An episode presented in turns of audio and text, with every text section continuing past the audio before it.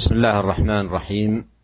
الحمد لله رب العالمين وأشهد أن لا إله إلا الله وحده لا شريك له وأشهد أن محمدا عبده ورسوله صلى الله وسلم عليه وعلى آله وصحبه أجمعين. أما بعد أيها الإخوة المستمعون الكرام قبل أن نبدأ بموضوعنا آه، في لقاء هذا اليوم آه، أود أن أهني إخواننا المسلمين ببلوغ آه، هذه العشر المباركة العشر من آه، ذي الحجة وهي أيام عظيمة وهي خير أيام العام وأفضلها على الإطلاق. وإنها لمنة عظيمة من الله سبحانه وتعالى بها بأن يسر بلوغ هذه العشر وقد قال عليه الصلاة والسلام كما في صحيح البخاري ما من أيام العمل الصالح فيهن أحب إلى الله من هذه العشر. قالوا ولا الجهاد في سبيل الله. قال ولا الجهاد في سبيل الله إلا رجل خرج من أهله وماله ولا خرج بأهله وماله ولم يرجع من ذلك بشيء. وهذا من أعظم ما يكون دلالة على فضل هذه العشر. فالعشر الأول العشر الأيام الأول من شهر ذي الحجة هي خير أيام السنة على الإطلاق. كما أن العشر الليالي الأخيرة من رمضان خير ليالي السنة على الإطلاق. وفي الليالي العشر الأخيرة من رمضان ليلة القدر خير الليالي. وفي العشر الأول من ذي الحجة يوم عرفة خير الأيام. ومن أكرمه الله عز وجل ببلوغ هذه العشر المباركات ينبغي أن يعرف قدر هذه النعمة ومكانة هذه المنة وأن يحرص على مجاهدة نفسه على العمل والطاعة والعبادة وحسن التقرب إلى الله سبحانه وتعالى.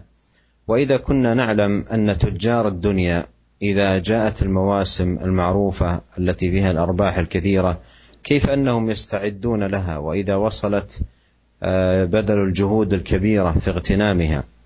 فها هي فرصة عظيمة للتجارة الرابحة في الدار الآخرة في تضاعف الأجور وعظم آه، شأن التقرب إلى الله سبحانه وتعالى في هذا في هذه العشر المباركات. فينبغي أن نغتنم خيرات هذه العشر وبركاتها وأن نجد ونجتهد في العبادة والطاعة والتقرب إلى الله سبحانه وتعالى بكل ما يتيسر لنا من العمل الصالح. وأسأل الله عز وجل أن يغنمنا أجمعين خير هذه العشر وبركاتها. إنه سميع قريب مجيب. Bismillahirrahmanirrahim. Alhamdulillah segala puji dan syukur kita panjatkan kehadirat Allah Subhanahu wa taala atas segala limpahan karunia yang Allah berikan kepada kita. Salawat dan salam semoga senantiasa tercurahkan kepada imam kita, junjungan kita, suri teladan kita, Nabi Muhammad sallallahu alaihi wasallam dan juga keluarganya serta seluruh sahabat beliau tanpa terkecuali. Para pemirsa Roja TV dan juga para pendengar Radio Roja di mana pun Anda berada, uh, Alhamdulillah ya Syekh menyampaikan Eh, selamat dengan sampainya kita bertemu dengan 10 hari pertama dari hari-hari Zulhijjah. Yang kita tahu bahwasanya 10 hari-hari Zulhijjah yaitu dari tanggal 1 sampai tanggal 10 Zulhijjah merupakan hari-hari yang terbaik selama setahun. Ya banyak dalil yang menunjukkan akan hal itu. Di antaranya seperti dalam hadis yang sahih dalam sahih Al-Bukhari dan yang lainnya Rasulullah sallallahu alaihi wasallam pernah bersabda ma min ayyamin al-amalu salihu fihinna ahabbu ila Allah ya min hadhil ayyam. Tidak ada hari-hari yang di mana amal soleh paling dicintai oleh Allah Subhanahu wa taala ya daripada selain hari-hari ini. Nah, maka para sahabat bertanya, "Walal jihadu fi sabilillah?" Ya Rasulullah, apakah lebih dicintai oleh Allah amal soleh pada 10 hari tersebut daripada jihad fisabilillah? Kata Rasulullah SAW, walal jihad fisabilillah. Lebih dicintai oleh Allah daripada jihad fisabilillah. Ila rajulun kharaja bi nafsihi wa malihi, thumma lam yarji' bidzalika min syai. Kecuali seorang yang dia keluar dengan jiwanya, dengan hartanya, dia berjihad dan dia kemudian tidak pulang dengan jiwa dan hartanya sama sekali. Ya. Ini menunjukkan bahwasanya beramal soleh ya, amal soleh apa pun di 10 hari uh, hari-hari Zulhijjah dari tanggal 1 sampai tanggal 10 merupakan amalan yang sangat-sangat dicintai oleh Allah Subhanahu wa taala. Oleh karenanya, uh, para ulama telah menjelaskan bahwasanya uh, 10 hari Zulhijjah ya, siangnya adalah siang yang terbaik dalam uh, setahun. Jadi siang-siang yang terbaik selama setahun adalah 10 uh, hari Zulhijjah. Sebagaimana para ulama telah menjelaskan, malam-malam yang terbaik selama setahun adalah malam-malam 10 hari terakhir di bulan Ramadan, ya. Jadi tanggal 10 10 kalau malam hari maka 10 malam terakhir di bulan Ramadan itu yang terbaik. Adapun kalau siang hari maka 10 siang uh, pertama dari 10 Zulhijjah itu yang terbaik. Karena di bulan Ramadan kenapa 10 malam terakhir di bulan Ramadan adalah malam-malam yang terbaik karena di antara malam-malam tersebut ada Lailatul Qadar. Yang Lailatul Qadar kita tahu lebih baik daripada uh, seribu bulan. Adapun pada siang-siang uh, bulan Zulhijjah 10 hari pertama bulan Zulhijjah maka di sana ada hari yang sangat mulia yaitu hari Arafah. Itulah hari yang sangat mulia sehingga menjadikan 10 hari-hari pertama uh, di bulan Dzulhijjah merupakan hari-hari yang sangat mulia. Oleh karenanya barang siapa yang diberi karunia oleh Allah Subhanahu wa taala sehingga bisa mendapatkan 10 hari di bulan Dzulhijjah ini, maka hendaknya dia mengerti dan memahami akan karunia ini dan hendaknya dia memperbaiki ibadahnya, membaguskan ibadahnya, memperindah takarrubnya kepada Allah Subhanahu wa taala. Kalau kita perhatikan lihatlah bagaimana para pedagang dunia para pedagang dunia jika mereka datang datang musim-musim panen, musim-musim laris ya, ya datang apa apa namanya event-event tertentu yang membuat mereka bisa dagangan mereka laris, maka mereka akan berusaha untuk bisa berdagang dengan sebaik-baiknya. Bahkan mereka melakukan persiapan yang sebaik-baiknya untuk bisa mendapatkan keuntungan sebanyak-banyaknya. Itu adalah tujarud dunia, padahal mereka adalah para pedagang dunia. Bagaimana lagi dengan para pedagang yang berdagang bersama Allah Subhanahu wa taala, pedagang yang mencari ganjaran akhirat Allah Subhanahu wa taala. Telah datang musim-musim yang sangat mulia, yaitu 10 hari pertama di bulan Dzulhijjah, hari-hari yang penuh keberkahan keberkahan oleh karenanya berusahalah seorang muslim untuk meraih uh, kebaikan dengan uh, sebanyak-banyaknya dengan bersyihat dalam ketaatan dan berusaha agar bisa memperbanyak amal soleh di hari-hari tersebut. لا نزال أيها الإخوة المستمعون الكرام في كتاب رياض الصالحين في باب ما يقرأ في صلاة الجنازة. قال النووي رحمه الله في الحديث الثالث من هذا الباب عن أبي هريرة رضي الله عنه قال سمعت رسول الله صلى الله عليه وسلم يقول إذا صليتم على الميت فأخلصوا له الدعاء رواه أبو داود. هذا الحديث فيه حث على العناية بالدعاء والاجتهاد في الدعاء عند الصلاة على الميت. ومن المعلوم أن التكبيرة الأولى يقرأ بعدها فاتحة الكتاب والثانية يصلى على النبي عليه الصلاة والسلام وبعد التكبيرة الثالثة يجتهد في الدعاء للميت. بصدق وإخلاص وإلحاح على الله سبحانه وتعالى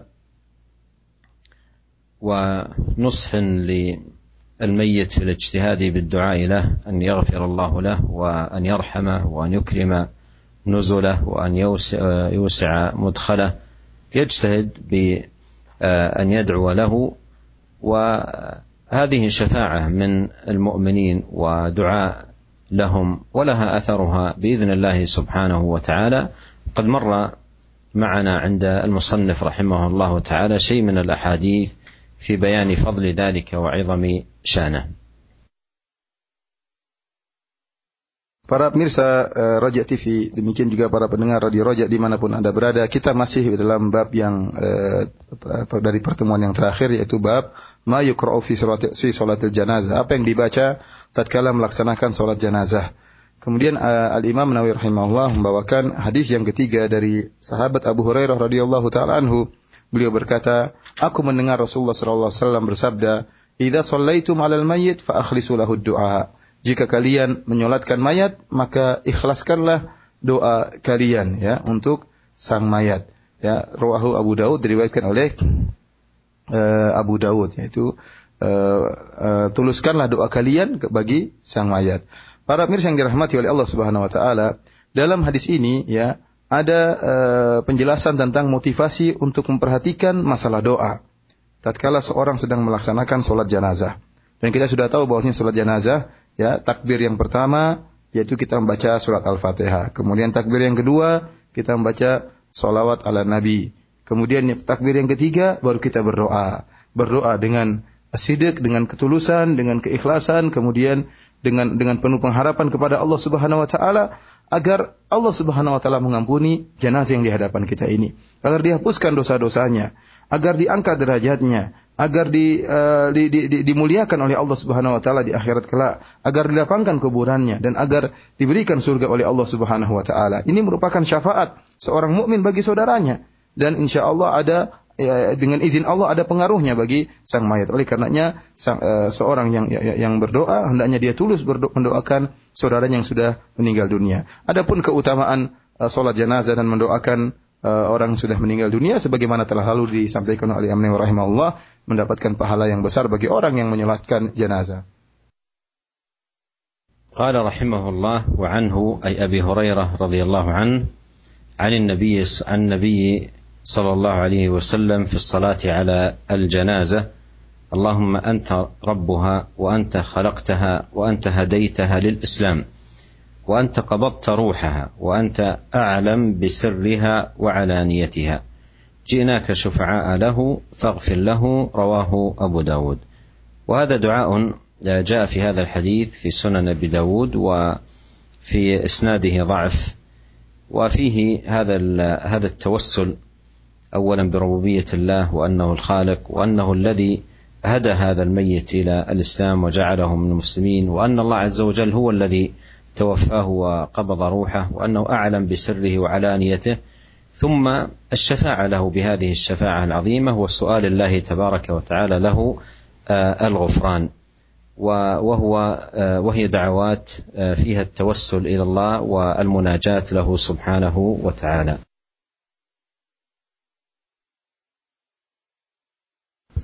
para pemirsa yang dirahmati Allah Subhanahu wa taala dan juga para pendengar rojak dimanapun Anda berada, kita masuk pada hadis berikutnya uh, yang juga diriwayatkan dari sahabat Abu Hurairah radhiyallahu taala anhu.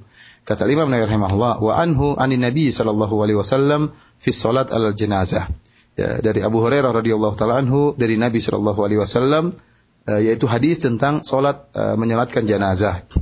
Uh, uh, di mana Rasulullah SAW berdoa dalam salat jenazah tersebut, Allahumma anta rabbuha. Ya Allah, engkau adalah Rabb jenazah ini. Wa anta khalaqataha. Dan engkaulah yang telah menciptakan jenazah ini. Wa anta hadaitaha lil Islam. Dan engkaulah yang telah memberi hidayah kepada jenazah ini untuk memeluk agama Islam. Wa anta qabatta ruhaha. Dan engkau yang telah mencabut ruhnya. Wa anta a'lamu wa alaniyatiha. Dan engkau ya Allah, engkau yang lebih mengetahui tentang rahasia-rahasia jenazah ini, apa yang disembunyikan oleh sang jenazah dan apa yang dinampakkan oleh jenazah semasa hidupnya. Ji'naka syufa'a lahu. Kami datang kepada engkau ya Allah sebagai pemberi syafaat bagi saudara kami jenazah ini. Faghfir lahu, ampunilah dia. Hadis ini kata Imam Nawawi rahimahullah, rawahu Abu Dawud, diriwayatkan oleh Al-Imam Abu Dawud eh, rahimahullah dalam sunannya. Akan tapi para pemirsa yang dirahmati oleh Allah Subhanahu wa taala, Hadis ini uh, ada permasalahan dalam hadis ini. Dalam sanatnya ada kelemahan. Ya, dalam sanatnya ada kelemahan meskipun doa yang disebutkan dalam hadis ini sangat indah di mana dalam doa ini ada bentuk tawassul kepada Allah Subhanahu wa taala. Tawassul dengan rububiyah Allah Subhanahu wa taala di mana uh, kita uh, Nabi SAW mengatakan engkau adalah Robnya, engkau adalah Tuhannya jenazah ini dan engkau yang menciptakannya. Ini semua adalah tawasul dengan Rubi Allah Subhanahu Wa Taala. Engkau yang beri hidayah kepada dia untuk masuk Islam. Engkau yang telah mewafatkannya, yang telah mencabut rohnya dan engkau yang mengetahui uh, rahasianya dan apa yang ditampakkannya. Ya, kami datang sebagai pemberi syafaat bagi engkau baginya, uh, maka ampunilah uh, saudara kami ini. Ini dalil uh, tentang uh, bagaimana berdakwah dengan tawasul dengan rubi Allah Subhanahu wa taala dan bahwasanya orang-orang yang menyolatkan jenazah adalah pemberi syafaat bagi jenazah tersebut. قال رحمه الله عن واثلة ابن الأسقع قال صلى بنا رسول الله صلى الله عليه وسلم على رجل من المسلمين فسمعته يقول اللهم إن فلان ابن فلان في ذمتك وحبل جوارك فقد فقه فتنة القبر وعذاب النار وأنت أهل الوفاء والحمد. اللهم فاغفر له وارحمه إنك أنت الغفور الرحيم. رواه أبو داود. وهذا من الدعوات التي تقال في الصلاة على الجنازة ورد في هذا الحديث. قال سمعته صلى الله عليه وسلم يقول اللهم إن فلان ابن فلان. يعني أي أنه ذكره باسمه في ذمتك وحبل جوارك. أي أن أنك قد توفيته وقبضت روحه وهو في جوارك. مفتقر إلى عفوك وصفحك ورحمتك. فقه فتنة القبر أي نجه من فتنة القبر ومن عذاب النار. وأنت أهل الوفاء والحمد. اللهم فاغفر له وارحمه إنك أنت الغفور الرحيم وهذا فيه الدعاء للميت بالمغفرة والرحمة والنجاة من عذاب النار والنجاة من فتنة القبر Kemudian hadis berikutnya dari Wathila ibn al-Asqa radhiyallahu taala anhu dia berkata Rasulullah sallallahu alaihi wasallam mengimami kami ya menyolatkan seorang e, jenazah dari kaum muslimin. Maka aku mendengar Rasulullah SAW berdoa tatkala dalam salat tersebut. Rasulullah SAW berdoa, Allahumma inna fulan ibna fulan fi dhimmatik wa habli jiwarik faqihi fitnatal qabr wa adzaban nar wa anta ahlul wafa wal hamd. Allahumma khafir lahu warhamhu innaka antal ghafurur rahim. Hadis ini diriwayatkan oleh Imam Abu Dawud. Ya, dalam hadis ini e, disebutkan salah satu dari doa-doa yang dibacakan oleh Nabi Shallallahu alaihi wasallam tatkala salat jenazah. Yaitu Rasulullah SAW menyebutkan Allahumma inna fulan ibna fulan. Ya Allah si fulan anaknya si fulan. Itu Rasulullah SAW menyebutkan nama dari jenazah tersebut. Fi dhimmatik wa habli jiwarik. Artinya ya Allah engkau telah e, mewafatkannya ya sesuai dengan janji engkau engkau telah mewafat mewafatkannya ya kemudian sekarang dia berada di butuh dengan uh, pengamananmu butuh dengan ampunanmu ya oleh karenanya fakihi fitnatal qabr oleh karenanya Allah jauhilah dia jagalah dia dari fitnah uh, kuburan wa adzaban nar dan jauhkanlah, jauhkanlah dia ya jagalah dia dari bahayanya azab neraka jahanam wa anta ahlul wafa wal hamd dan engkau adalah uh, memenuhi uh, uh, janjimu atau memenuhi permintaan hambamu dan engkau yang berhak dipuji. Allahumma faghfir lahu warhamhu. Ya Allah, ampunilah dia dan rahmatilah dia. Innaka antal ghafurur rahim. Sungguhnya engkau maha pengampun lagi maha penyayang. Dalam hadis ini jelas sekali bahwasanya uh, Nabi Shallallahu alaihi wasallam uh, mendoakan sang mayat tersebut dengan mohon kepada Allah Subhanahu wa taala berupa ampunan, berupa rahmat dari Allah Subhanahu wa taala dan juga keselamatan dari fitnah kuburan dan juga azab neraka uh, جهنم قال رحمه الله تعالى وعن عبد الله بن ابي اوفى رضي الله عنهما انه كبر على جنازه على جنازه ابن له اربع تكبيرات فقام بعد الرابعة كقدر ما بين التكبيرتين يستغفر لها ويدعو. ثم قال كان رسول الله صلى الله عليه وسلم يصنع هكذا. وفي رواية كبر اربعا فمكث ساعة حتى ظننت أنه سيكبر خمسا. ثم سلم عن يمينه وعن شماله فلما انصرف قلنا له ما هذا؟ فقال إني لا أزيدكم على ما رأيت رسول الله صلى الله عليه وسلم يصنع أو هكذا صنع رسول الله صلى الله عليه وسلم رواه الحاكم وقال حديث صحيح. وهذا فيه زيادة على غيره من الروايات الواردة في هذا الباب المكث أو الإطالة بعد التكبيرة الرابعة وقبل أن يسلم إطالة الدعاء آه، في في هذا الموضع. وموضع الدعاء هو قبل التكبيرة الرابعة واستحب التطويل فيه للدعاء بالدعاء الميت. ومر معنا في آه، الحديث فأخلصوا له الدعاء وأنه ينبغي أن يجتهد ويكثر له من آه، آه، الدعاء. وفي هذه الرواية أنه أيضا يزاد في الدعاء للميت بعد التكبيرة الرابعة وقبل السلام. فعن عبد الله بن أبي أوفى أنه كبر على جنازة ابن ابن ابنه ابنة له أربع تكبيرات. فقام بعد الرابعة كقدر ما بين التكبيرتين يستغفر لها ويدعو. ثم قال كان رسول الله صلى الله عليه وسلم يصنع هكذا.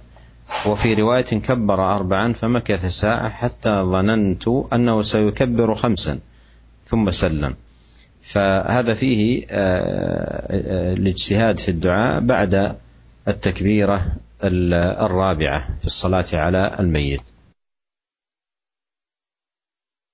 para uh, pemirsa yang dirahmati oleh Allah Subhanahu wa taala, kemudian kita masuk pada hadis berikutnya dari sahabat Abdullah bin Abi Aufa radhiyallahu taala anhuma. Annahu kabbara ala janazi ibnatin ibnatin lahu arba'a takbirat. Suatu saat uh, Abdullah bin Abi Aufa uh, menyolatkan putrinya yang meninggal dunia. Maka beliau pun menjadi imam tatkala itu, kemudian beliau bertakbir dengan empat takbir. Empat takbir. Faqama ba'da rabi'ah ka qadri ma baina takbiratain yastaghfiru laha wa yad'u. Kemudian setelah takbir keempat, dia berdiri agak lama seakan-akan seperti di antara dua takbir sebelumnya. Jadi ada beberapa saat dia tetap berdiri setelah takbir keempat tidak langsung salam tetapi berdiri eh, apa yang dilakukan yastaghfiru laha wa yad'u. Rupanya setelah takbir keempat Abdullah bin Abi Aufa mendoakan putrinya dan memohon ampunan dari Allah bagi sang putri. Kemudian Abdullah bin Abi Aufa berkata, karena Rasulullah SAW yasna'u hakada. Kata dia, Rasulullah SAW dahulu melakukan seperti yang saya lakukan begini dalam tata cara solat jenazah. Wa fi riwayat dalam riwayat yang lain, kabbaru arba'an, famakatha sa'atan hatta dhanantu annahu sayukabbir khamsan.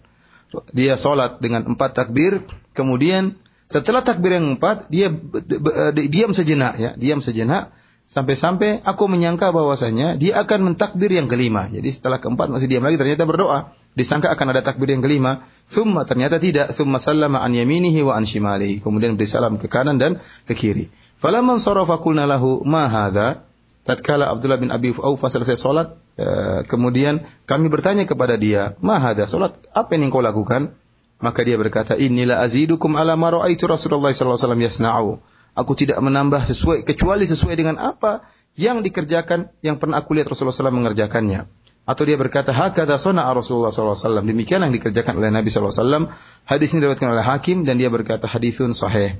Para pemirsa yang dirahmati oleh Allah Subhanahu wa taala, kita tahu bahwasanya dalam hadis-hadis sebelumnya menjelaskan waktu berdoa adalah setelah takbir ketiga, ya. Seorang hendaknya ya apa mengikhlaskan, menuluskan doanya untuk jenazah yang dia solatkan. Itu kapan tempatnya setelah takbir yang yang ketiga. Dalam hadis ini uh, ada tambahan yaitu bolehnya seorang berdoa setelah takbir yang yang keempat. Bahkan doa yang cukup lama sebelum memberi salam. Jadi setelah takbir keempat masih berdoa lagi bagi sang mayat, kemudian memberi salam. Ya, ya. Oleh karenanya uh, tidak hanya berdoa pada setelah uh, takbir yang ketiga, namun ditambah juga dengan doa setelah takbir keempat, sebagaimana dijelaskan dalam hadis uh, ini. قال رحمه الله تعالى باب الاسراع بالجنازه قال عن ابي هريره رضي الله عنه عن النبي صلى الله عليه وسلم قال اسرعوا بالجنازه فإن تك صالحة فخير تقدمونه تقدمونها إليه. وإن تك سوى ذلك فشر تضعونه عن رقابكم متفق عليه. وفي رواية لمسلم فخير تقدمونها عليه. وهذا الحديث فيه أن من السنة الإسراع في تجهيز الجنازة والإسراع في تشييعها وأداء الصلاة عليها ودفنها وألا تؤخر آه، آه، الجنازة. وفي حملها أيضا لا يسار فيها بسير متباطئ إلى المقبرة وموضع الدفن بل يسرع في دفنها. وبين عليه الصلاة والسلام أن الاسراع إن كانت الجنازة صالحة فهذا خير تقدم إليه الجنازة وإن كانت آه، فاسدة فهو شر يضعه الناس عن رقابهم ويسرعون في التخلص من حمله. kemudian kita masuk pada bab berikutnya, babul isra' bil janazah, yaitu bab tentang bersegera dalam uh, menyelenggarakan uh, apa namanya menguburkan jenazah. Dari hadis uh, yang pertama dari hadis Abu Hurairah radhiyallahu taala anhu dari Nabi sallallahu alaihi wasallam beliau bersabda asri'u bil janazah hendaknya kalian bersegera uh, membawa jenazah ya menuju kuburannya untuk dikubur. Fa in taku salihatan fa khairun tuqaddimunaha ilaihi. Kalau seandainya jenazah tersebut adalah jenazah yang baik, maka ada kebaikan yang kalian bawakan jenazah tersebut menuju kebaikan tersebut. Wa in taku siwa dzalik fa syarrun tad'unahu an riqabikum. Kalau ternyata jenazah yang kalian bawa adalah jenazah yang buruk, maka uh, kalian akan uh, meninggalkan keburukan, melepaskan keburukan dari leher-leher kalian. Uh, dalam riwayat riwayat yang lain, tadi riwayat Sahih Bukhari dan Sahih Muslim. Dalam riwayat Muslim, uh, Rasulullah SAW berkata, "Fa khairun tuqaddimunaha alaihi." Yaitu maka jika jenazahnya adalah jenazah yang baik, maka ada kebaikan yang kalian mengantarkan jenazah tersebut menuju kebaikan uh, tersebut. Para uh, pemirsa yang dirahmati oleh Allah Subhanahu wa taala, hadis ini menunjukkan bahwasanya sunnah adalah bersegera dalam menguburkan jenazah. Dan tatkala kita membawa jenazah menuju ke tempat kuburan, maka jangan kita berjalan dengan cara yang lambat tidak, tetapi segera. Ya, Rasulullah SAW jelaskan kenapa sebabnya. Kalau ternyata uh, jenazahnya baik, maka kalian sedang membawa jenazah tersebut pada kebaikan. Akan tapi jika jenazahnya ternyata jenazah yang buruk, jenazah orang yang yang, yang tidak baik, maka kalian artinya kalian sedang melepaskan keburukan dari eh, pundak-pundak uh, kalian karena jenazah ini jenazah yang tidak baik. قال رحمه الله باب تعجيل قضاء الدين عن الميت والمبادرة إلى تجهيزه إلى إلا أن يموت فجاءة فيترك حتى يتيقن موته. أورد رحمه الله تحت هذه الترجمة نعم قبل ذلك أورد رحمه الله حديث أبي سعيد الخدري رضي الله عنه قال كان النبي صلى الله عليه وسلم يقول إذا وضعت الجنازة فاحتملها الرجال على عناق فإن كانت صالحة قالت قدموني وإن كانت غير صالحة قالت لأهلها يا ويلها أين تذهبون بها؟ يسمع صوتها كل شيء إلا الإنسان ولو سمع الإنسان لا صعق. رواه البخاري. وهذا فيه أن الجنائز التي تحمل على صنفين صالحة وغير صالحة وأن الصالحة يذهب بها إلى حيث تدفن ومستبشره بذلك وتقول قدموني قدموني وغير الصالحة تقول يا ويلها أين تذهبون بها؟ والله سبحانه وتعالى على كل شيء قدير لأن هذه الجنازة تنطق بقول الصالحة بقولها, بقولها قدموني وغير الصالحة بقولها يا ويلها أنت تذهبون بها وإن كان لا يسمع صوتها من يحملها لكن هذا أمر أخبر به الصادق المصدوق الذي لا ينطق عن الهوى صلوات الله وسلامه وبركاته عليه Kemudian uh, hadis uh, berikutnya dari Abu Sa'id Al-Khudri radhiyallahu taala anhu, beliau berkata, uh, Nabi sallallahu alaihi wasallam bersabda, "Idza wudi'atil janazatu fahtamal rijal ala anaqihim." Jika jenazah diletakkan di tempatnya, kemudian dipikul oleh orang-orang uh, di atas pundak-pundak mereka, fa in kanat salihatan qalat qaddimuni. Jika ternyata jenazah ini jenazah yang soleh, orang yang soleh, maka jenazah ini akan berkata, Ayo segera, segera antarkan aku, segera antarkan aku menuju uh, kuburannya. Wa in kanat ghaira salihatin, akan tapi ternyata jika jenazahnya adalah jenazah orang yang tidak beres, orang yang tidak soleh, qalat li ahliha, maka jenazah tersebut akan berkata kepada keluarganya, Ya wailaha aina tadhhabuna biha? Celaka, celaka. Kenapa ke, ke, ke, ke ke mana kalian bawa jenazah yang tidak soleha ini? Yasma'u sautaha kullu syai'in illa insan. Semua yang ya, semua mendengar perkataan jenazah ini, ya kecuali manusia. Walau sami al insanu la Kalau seandainya ada manusia yang bisa mendengar jenazah, eh, suara jenazah ini maka dia akan pingsan. Hadis ini diriwayatkan oleh Al Imam Al Bukhari. Para pemirsa yang dirahmati oleh Allah Subhanahu wa taala, hadis ini menunjukkan bahwasanya jenazah-jenazah yang dipikul oleh orang-orang menuju ke pekuburan itu terdiri atas dua model. Model yang pertama adalah jenazah yang solehah. Ya, jenazah yang solehah yang tatkala hendak dipukul dibawa ke kuburan, maka dia pun bergembira dan dia mengatakan kod dimuni, kod dimuni, ayo segera bawa aku, ayo segera bawa aku. Dia bergembira karena dia tahu akan kebaikan yang akan dia raih. Adapun model jenazah yang kedua adalah mana jenazah ghairu salihah, jenazah yang tidak beres, yang tidak soleh. Ya, maka dia pun ketakutan tatkala dibawa menuju ke kuburan dan dia pun berteriak wailaha wailah celaka celaka jenazah ini celaka. Uh, dia berkata kepada keluarganya, "Aina tadhhabuna biha? Ke mana kalian bawa jenazah ini? Celaka dia, celaka dia." Ketakutan. Dan kita tahu bahwasanya Allah Subhanahu wa taala ala kulli syai'in qadir. Allah Maha Kuasa atas segala sesuatu. Dalam hadis ini disebutkan jenazah berbicara. Dan Allah mampu untuk uh, melakukan hal tersebut. Semuanya mudah bagi Allah Subhanahu wa taala. Dan Nabi SAW menjelaskan bahwasanya suara tersebut tidak ada yang dengar, manusia tidak satu pun yang mendengarnya. Yang mendengar selain manusia. Sampai Nabi mengatakan, kalau seandainya ada manusia yang mendengar suara tersebut, ya saking takutnya jenazah ini, begitu suaranya ketakutan, wa ilaha wa ilaha, maka kalau ada orang yang dengar perkataan ini, maka dia akan akan pingsan. Akan tapi Allah Subhanahu wa taala dengan uh, kemaha kuasaannya mampu menjadikan jenazah berbicara namun tidak ada yang mendengarnya. Orang-orang yang mikulnya pun tidak mendengarnya selain manusia yang mendengarkannya. قال رحمه الله باب تعجيل قضاء الدين عن الميت والمبادرة إلى تجهيزه إلا أن يموت فجاءة فيترك حتى يتيقن موته أورد رحمه الله حديث أبي هريرة رضي الله عنه عن النبي صلى الله عليه وسلم قال نفس المؤمن معلقة بدينه حتى يقضى عنه رواه الترمذي وقال حديث حسن. ومعنى قوله معلقة بدينه معلقة أي مرتهنة بالدين ومحبوسة بسبب الدين عن المقام الكريم والموعد الكريم. بمعنى أن الدين يعوقها. فيحتاج إلى أن يبادر أن يبادر الورثة إلى قضاء الدين. وهذا واجب وحق من حقوق الميت. قبل أن يقتسم الورثة التركة وحقوقهم في الميراث يبادر إلى قضاء دينه أولا. يبادر إلى قضاء دينه أولا لأن الميت مرتهن بدينه.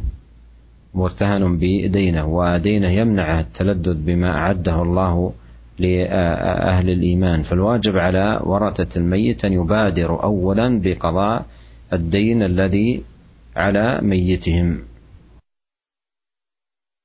Eh, kemudian kita lanjutkan pada bab berikutnya, bab tentang uh, bersegera melunaskan hutang-hutang mayat, hutang-hutang yang ditinggalkan oleh mayat. Wal mubadar ila tajhizihi dan bersegera untuk menyiapkan uh, jenazahnya untuk segera dikafankan dan kemudian dikuburkan kecuali jika mayat tersebut meninggal tiba-tiba. Maka dibiarkan dahulu ya sampai diyakini bahwasanya benar-benar jenazah tersebut sudah meninggal dunia. Hadis ini yang pertama yang dibawakan oleh uh, Al Imam Nawawi rahimahullah adalah dari Abu Hurairah radhiyallahu taala anhu. Dari Nabi sallallahu alaihi wasallam bahwasanya Nabi sallallahu alaihi wasallam bersabda, "Nafsul mu'min mu'allaqatun bidainihi hatta yuqda anhu." Bahwasanya jiwa seorang mukmin tergantung dengan apa namanya? tergadaikan dengan hutangnya sampai dilunasi hutangnya. Hadis ini diriwayatkan oleh Imam Tirmizi dalam sunannya dan Imam At-Tirmizi berkata hadithun hasanun, hadis yang hasan. Para pemirsa yang dirahmati oleh Allah Subhanahu wa taala, maksud dari sabda Nabi maksudnya jiwa seorang mukmin tergadaikan dengan hutangnya muallaqatan bidainihi. Artinya sebenarnya dia segera mendapatkan tempat kemuliaan. Dia sebenarnya mendapatkan janji kemuliaan yang Allah janjikan kepada mayat yang soleh. Akan tapi ternyata dia belum mendapatkan kenikmatan tersebut. Kenapa? Dia ternyata punya hutang. Dia punya hutang yang harus dilunasi. Oleh karena di antara hak seorang mayat, ahli warisnya melunasi, melunaskan hutangnya. Sehingga kalau mayat meninggalkan harta warisan, maka yang pertama dikerjakan adalah membayar hutang sang mayat. Bukan bukan dibagi-bagi dulu kepada ahli waris, tapi hendaknya di, di, disisikan untuk melunasi hutang-hutang sang sang mayat. Karena kalau sang mayat tidak lunasi hutangnya, maka dia akan tergantung dan tidak mampu, tidak segera mendapatkan kelezatan dan kenikmatan yang Allah sediakan baginya. قال رحمه الله عن حسين بن وحوح رضي الله عنه أن طلحة بن البراء رضي الله عنه مرض فأتاه النبي صلى الله عليه وسلم يعوده فقال إني لا أرى طلحة إلا قد حدث فيه الموت فأذنوني به وعجلوا به فإنه لا ينبغي لجيفة مسلم أن تحبس بين ظهراني أهله رواه أبو داود. وهذا الحديث فيه الشاهد للشق الثاني من الترجمة وهو المبادرة إلى تجهيز الميت. إلا أن يكون موته فجأة فلا يعجل به حتى يتحقق من موته. أما إذا كان يعني أصابه مرض الموت ولوحظت عليه أمارات الموت ثم توفي فإنه يبادر. أما إذا آه، جاء شيء مفاجئ فينتظر قد قد لا يكون موتا. وقد تهيأت الآن من الوسائل الطبية والأجهزة والآلات ما يستكشف به حال الإنسان. فالشاهد أنه إذا تحقق من موته فينبغي المبادرة إلى تجهيزه والتعجيل بتغسيله والصلاة عليه ودفنه ونكتفي يومنا بهذا القدر ونسأل الله الكريم أن ينفعنا أجمعين بما علمنا إنه سميع قريب مجيب Kemudian hadis berikutnya dari Husain bin uh, Wahwah radhiyallahu taala anhu bahwasanya Tolhah bin Al-Bara radhiyallahu taala anhu sakit. Jadi Tolhah bin Al-Bara dalam keadaan sakit. Maka Nabi sallallahu alaihi wasallam pun menjenguknya. Faqala maka Talha bin Bara berkata, "Inilah ura Talhata illa qad hadatha fihi al-maut." Maka uh, ada yang berkata, sesungguhnya uh, sungguhnya aku tidak uh, memandang Tolhah kecuali dia sudah meninggal dunia. Fa'adhinuni bihi. Maka izinkanlah aku ya untuk uh, atau beritahukan kepadaku tentang uh, kematiannya. Wa ajilu bihi dan bersegeralah mengurus uh, mayatnya. Jadi Nabi Shallallahu alaihi wasallam uh, mengatakan kepada keluarga di, yang dia kunjungi dia mengatakan kata Nabi Shallallahu alaihi wasallam, aku tidak melihat Tolha kecuali sudah meninggal dunia. Jika dia sudah meninggal dunia maka kabarkanlah kepadaku dan segeralah mengurus jenazahnya. Fa innahu la yanbaghi li jifati muslim an tuhbasa baina dhahranai ahlihi. Sungguhnya tidak pantas bagi mayat seorang muslim untuk ditahan di antara di tengah-tengah keluarganya. Hadis ini diriwayatkan oleh Abu Daud dalam sunannya. Para pemirsa yang dirahmati oleh Allah Subhanahu wa taala, hadis ini berkaitan dengan judul bagian kedua dari judul uh, bab yang sedang kita bahas yaitu bahwasanya kalau ada mayat yang meninggal dengan tiba-tiba, maka jangan langsung diurus tapi dibiarin dulu. Dibiarin dulu sampai diyakini bahwasanya mayat tersebut sudah meninggal dunia.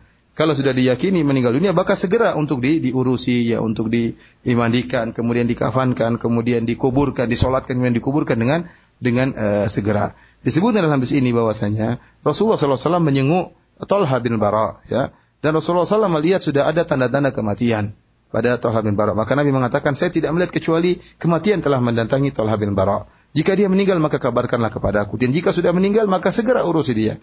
Ya, dan tidak pantas bagi mayat seorang muslim untuk ditahan di, di tengah-tengah keluarganya, tidak pantas ditahan-tahan. Ini menunjukkan kalau sudah ketahuan mayat itu meninggal dunia, maka di, jangan ditahan-tahan. Tapi segera untuk di uh, kafankan dan segera untuk eh, dimandikan, dikafankan, disolatkan, segera untuk di, dikuburkan. Dan alhamdulillah sekarang sudah ada alat-alat yang, yang canggih, yang modern, yang bisa mengetahui kondisi orang ini sudah meninggal atau atau belum. Ya, jadi dengan alat tertentu diketahui orang ini sudah meninggal. Kalau sudah tahu meninggal, maka segera diurus jenazahnya untuk dikuburkan. Demikian saja para pemirsa yang dirahmati oleh Allah Subhanahu Wa Taala kajian kita pada kesempatan kali ini. Selanjutnya kalau ada yang bertanya, kami persilakan. Jazakallah khair kemacam pada Fadilatul Syekh Abdul Razak bin Abdul Musin Al-Abad Al-Badr dan Al-Ustaz Abu Abdul Musin Firanda Hafizahumullah Ta'ala yang telah menerjemahkan kajian di kesempatan sore hari ini. Dan Alhamdulillah masih ada waktu yang cukup banyak bagi kita untuk menyampaikan pertanyaan antum para pendengar dan pemirsa TV Roja. Dan kita angkat satu penelpon yang pertama. Silakan. Halo. Halo. Assalamualaikum. Waalaikumsalam warahmatullahi wabarakatuh. Dengan siapa Bapak di mana? Dari Abu Mizan Pondok Kelapa. Baik, Bapak Bu Mizan silakan. Ajak mulai Pak Ustaz. Baik. Pertanyaan masalah jenazah.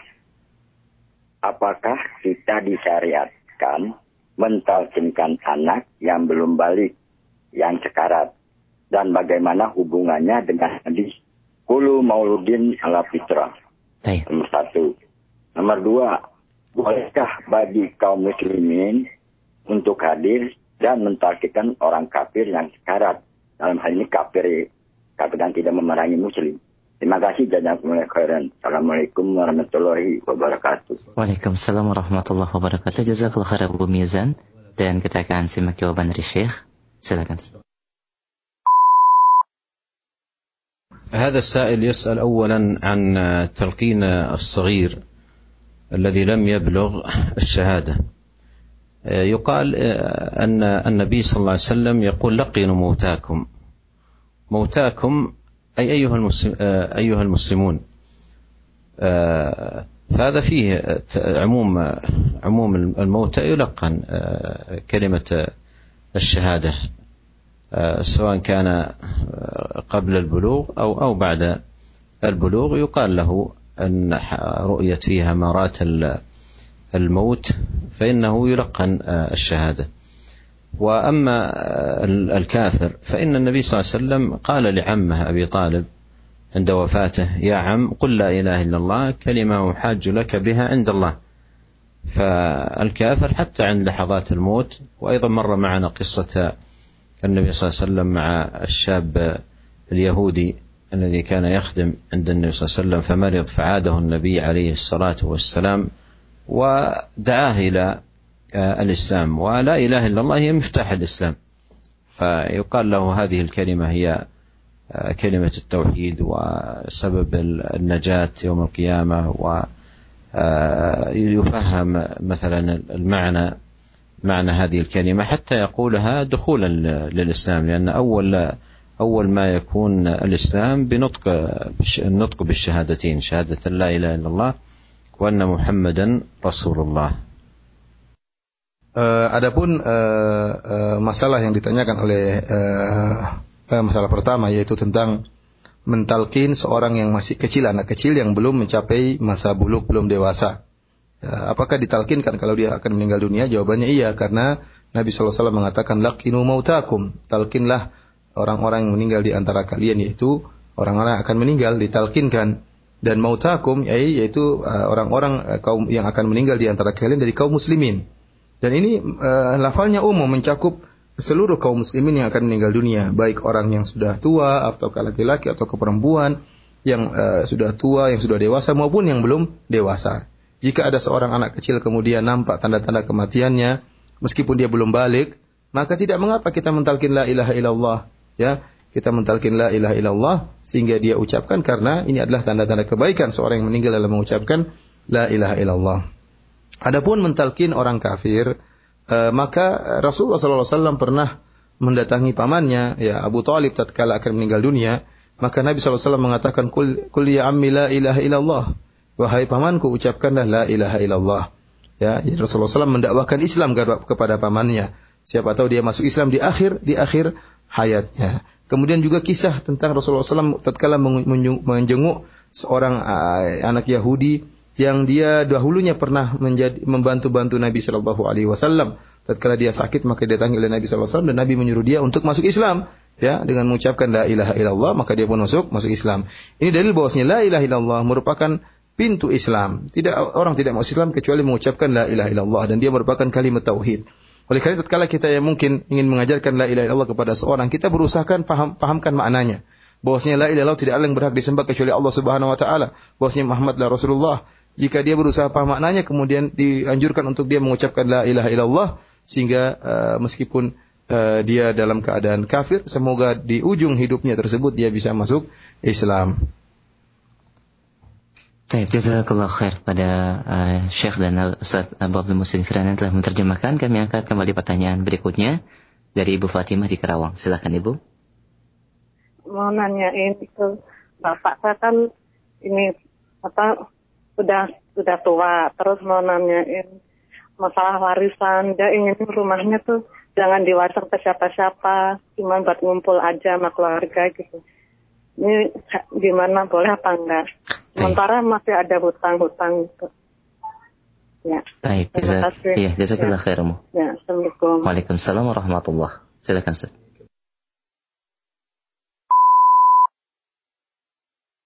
الواجب عليه أن يقضي الدين الذي على نفسه.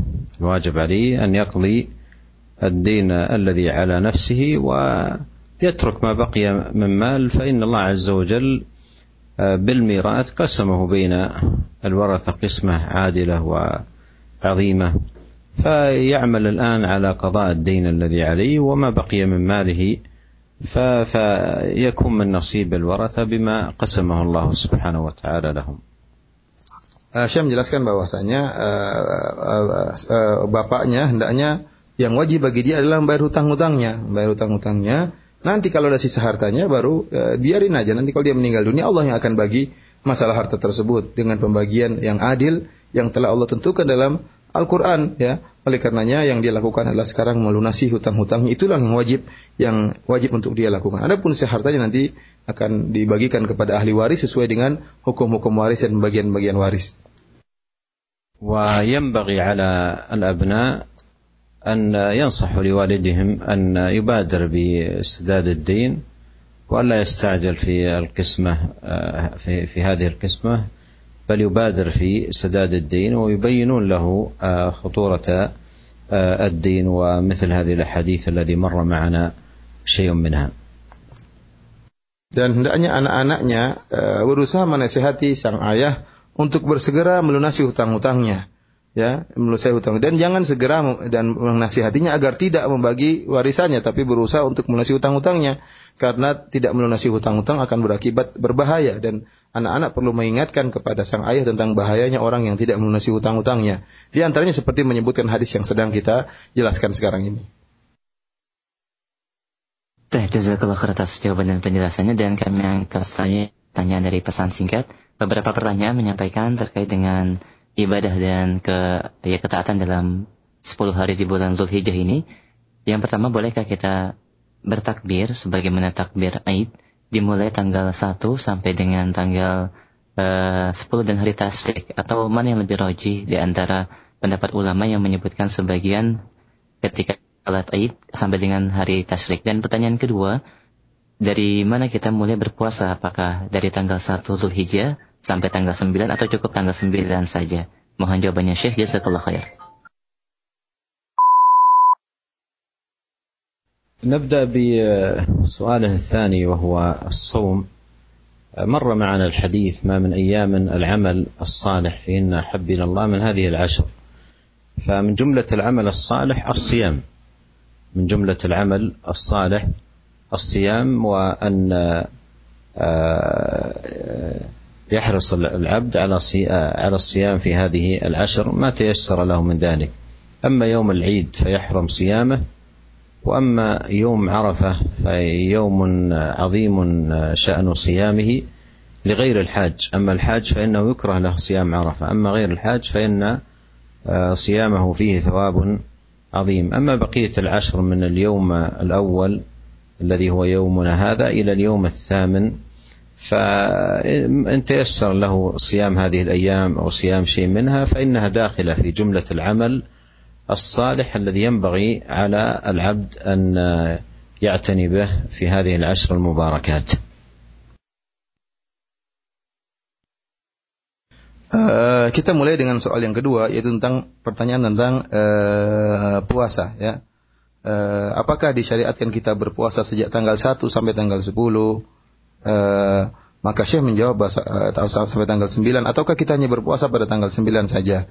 Syekh mengatakan bahwasanya telah lalu hadis yang telah kita sebutkan di awal pengajian. Rasulullah SAW mengatakan ma min ayamin al amalu salihu fihinna ahabbu ila Allah ahabbu ila Allah min hadhil ajar. Kata Nabi wasallam bahwasanya tidak ada amalan tidak ada hari-hari yang di mana amalan soleh sangat dicintai oleh Allah Subhanahu Wa Taala daripada beramal di hari-hari tersebut. Hari-hari tersebut adalah min hadal ashar yaitu 10 hari awal di bulan Dhul Hijjah. Oleh karenanya di antara amalan-amalan soleh yang yang dianjurkan untuk diamalkan adalah puasa. Puasa merupakan amalan soleh yang juga dianjurkan untuk dikerjakan pada 10 hari pertama di bulan uh. Uh, adapun uh, tanggal 10 Dhul Hijjah yaitu hari Id maka tidak boleh berpuasa, hukumnya haram. Kemudian adapun tanggal 9 uh, Dhul Hijjah maka bagi yang tidak haji dianjurkan untuk berpuasa karena mendapatkan ganjaran yang sangat besar. Ya, yaitu diampuni dosa-dosanya setahun sebelumnya dan setahun sesudahnya. Adapun bagi yang haji, itu bagi yang tidak haji boleh eh, dianjurkan berpuasa. Adapun yang sedang haji maka dimakruhkan untuk ber, eh, berpuasa.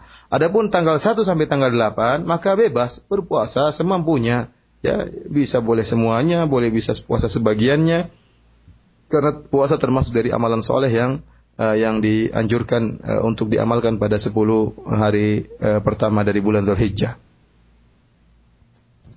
أما السؤال الأول وهو سؤال عن التكبير فإن هذه الأيام العشر مضافا إليها أيضا أيام التشريق كلها أيام ذكر لله سبحانه وتعالى. وقد قال الله سبحانه ويذكر اسم الله في أيام معلومات قال عز وجل واذكروا الله في أيام معدودات فالأيام المعلومات هي أيام العشر والأيام المعدودات هي أيام التشريق. جاء ذلك عن ابن عباس رضي الله عنهما. وجاء عن ابن عمر وابي هريره انهما يخرجان الى السوق في ايام العشر فيكبران ويكبر الناس بتكبيرهم. Adapun masalah bertakbir, eh, apakah boleh bertakbir sejak tanggal 1 Dzulhijjah sampai 10 Dzulhijjah atau sampai hari-hari tasyrik?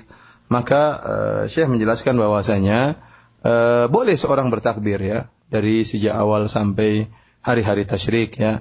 Uh, dan tidak ada bedanya antara orang sedang haji atau yang tidak haji. Ya karena Allah Subhanahu wa taala berfirman dalam Al-Qur'an, "Wa yadhkuru fi ayyamin ma'lumat." Dan agar mereka bisa mengingat Allah Subhanahu wa taala pada hari-hari yang telah diketahui. Ayam ma'lumat ya ditafsirkan oleh para ahli tafsir yaitu ayamul ashar yaitu agar mereka mengingat Allah Subhanahu wa taala berzikir kepada Allah pada hari-hari 10 yaitu 10 uh, Zulhijjah uh, dari tanggal 1 sampai tanggal 10 Zulhijjah. Dalam ayat yang lain Allah Subhanahu wa taala berfirman, "Wadhkurullaha fi ayyami ma'dudat." Dan ingatlah Allah, ya, berzikirlah kepada Allah pada hari-hari yang tertentu. Ayaman ma'dudat, ayamin ma'dudat ditafsirkan oleh para ahli tafsir yaitu ayam uh, ayamu hari-hari tasyrik. Dari sini jelas bahwasanya boleh kita bertakbir sejak tanggal 1 di 10 hari Zulhijjah. Demikian juga bertakbir ya dengan uh, di hari-hari tasyrik. Sebagaimana uh, disebutkan uh, Imam Al-Bukhari beliau mengatakan kana Ibnu Umar wa Abu Hurairah radhiyallahu anhuma yakhrujani ila suq fi ayyamil ashar fayukabbirani wa yukabbirun nas. Bahwasanya Ibnu Umar dan Abu Hurairah radhiyallahu anhuma mereka berdua keluar ke pasar eh, pada 10 hari Zulhijjah. Kemudian mereka berdua bertakbir maka orang-orang pun ikut bertakbir dengan takbirnya uh, kedua sahabat ini itu Ibnu Umar dan Abu Hurairah radhiyallahu taala anhuma. Jazakallah khair ya Syekh dan ini soal akhir narju min fadilatikum al ikhtitam. في ختام لقائنا هذا أسأل الله عز وجل أن ينفعنا أجمعين بما علمنا وأن يزيدنا علما وأدعو الله سبحانه وتعالى لي ولإخواني المسلمين أن يوفقنا لاغتنام هذه العشر المباركات وأن يعيننا فيه فيها على ذكره وشكره وحسن عبادته وأن يصلح لنا شأننا كله. إنه سميع الدعاء وهو أهل الرجاء وهو حسبنا ونعم الوكيل. وإلى لقاء آخر بإذن الله سبحانه وتعالى. والسلام عليكم ورحمة الله وبركاته. Di penghujung kajian kita ini, kita berdoa kepada Allah Subhanahu wa taala agar menjadikan ilmu yang kita pelajari bermanfaat bagi kita dan agar Allah Subhanahu wa taala menambah ilmu kita ya dan agar Allah Subhanahu wa taala memberikan taufiknya kepada kita sehingga di 10 hari bulan Dzulhijjah ini kita bisa benar-benar memanfaatkan waktu-waktu yang uh, mulia tersebut untuk banyak beramal soleh uh, untuk bertakarub kepada Allah Subhanahu wa taala dan agar kita senantiasa bisa mengingat Allah Subhanahu wa taala dan agar bisa senantiasa bersyukur kepada Allah Subhanahu wa taala. Sungguhnya Allah Subhanahu wa taala Maha mendengar permohonan hambanya dan Maha mengabulkan permohonan hamba-hambanya. Demikian saja uh, kita akhiri. Walhamdulillahirabbil alamin. Assalamualaikum warahmatullahi wabarakatuh